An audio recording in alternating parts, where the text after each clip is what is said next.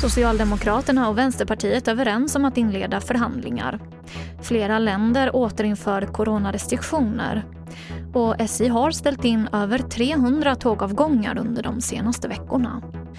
TV4-nyheterna börjar med att vänsterledaren Nooshi Dadgostar säger idag att man är överens med Socialdemokraterna om förhandlingar för att släppa fram Magdalena Andersson som ny statsminister. Efter mötet mellan de båda så bekräftar Magdalena Andersson förhandlingen men säger att det inte blir förändringar i budgeten. På tisdag ska hon ge besked till talmannen om hon kan bilda regering. Vi hör vänsterledaren Nooshi Dadgostar.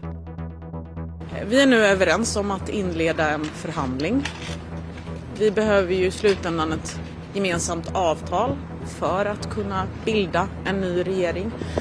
Eh, det är ju fyra nya partier nu som ska bära fram den här regeringen. Eh, det är, vi är fortfarande precis i inledningen av detta. Det finns en rad frågor vi behöver avhandla. Det som har varit viktigt för oss är ju höjda pensioner och en förbättrad sjukförsäkring.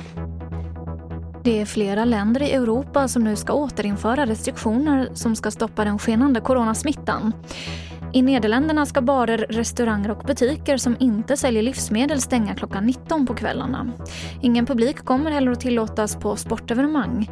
I Österrike planerar regeringen en lockdown för ovaccinerade och i Danmark vill regeringen att arbetsgivare ska kunna kräva coronapass. Samtidigt så öppnar Norge för nya restriktioner även om man vill undvika nedstängning. Och vi avslutar med att SJ har ställt in över 300 tågavgångar under de senaste två veckorna på grund av problem med ett planerat systembyte och personalbrist. Och ett femtontal avgångar om dagen kommer att ställas in under de kommande två veckorna. Och främst så är det resenärer i Mälardalen och Bergslagen som drabbas. Men företaget erbjuder ombokning.